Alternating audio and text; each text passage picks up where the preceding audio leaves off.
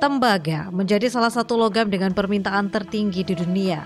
70% permintaannya digunakan untuk kelistrikan. Dan Indonesia menjadi salah satu negara yang memiliki cadangan bahan baku tembaga tertinggi di dunia. Bahan baku tembaga adalah biji tembaga seperti yang diekstraksi oleh PT Freeport Indonesia di Tembagapura, Papua. Untuk menjadi produk akhir tembaga, biji tembaga diolah terlebih dahulu menjadi konsentrat tembaga. Proses pengolahan konsentrat tembaga dilakukan di smelter.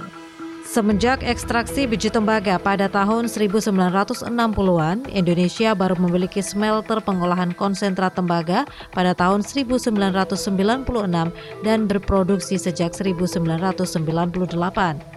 Smelter pertama milik PT Freeport Indonesia ini bernama PT Smelting, hasil kerjasama dengan Mitsubishi Materials Corporation hingga saat ini. Lokasinya berada di Desa Romo, Kecamatan Manyar, Kabupaten Gresik, Jawa Timur dengan luasan sekitar 28,5 hektar. Berupaya mampu mengolah 100% konsentrat yang dihasilkan di dalam negeri, dilakukan beberapa ekspansi pembangunan PT Smelting.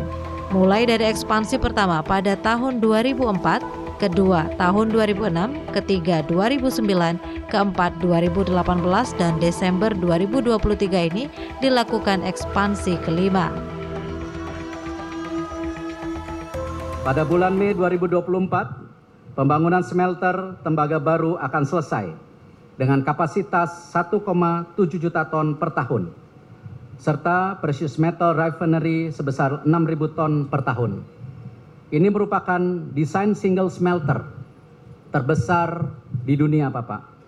Yang hingga pada tahun November ini kemajuannya sudah mencapai 83 persen. Kami sore, Presiden Joko Widodo pun melakukan pemantauan proses pembangunannya.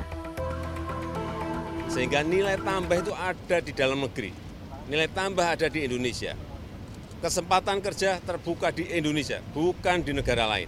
Dan itu tidak hanya berhenti di tembaga, di nikel, akan lari ke boksit, lari ke timah, lari ke batu bara, lari di komoditas perkebunan, lari di komoditas pertanian, lari di komoditas kelautan dan perikanan, semuanya. Sehingga nilai tambah sekali lagi ada di negara kita. Itu yang akan menjadikan negara ini menjadi negara produsen, negara produksi.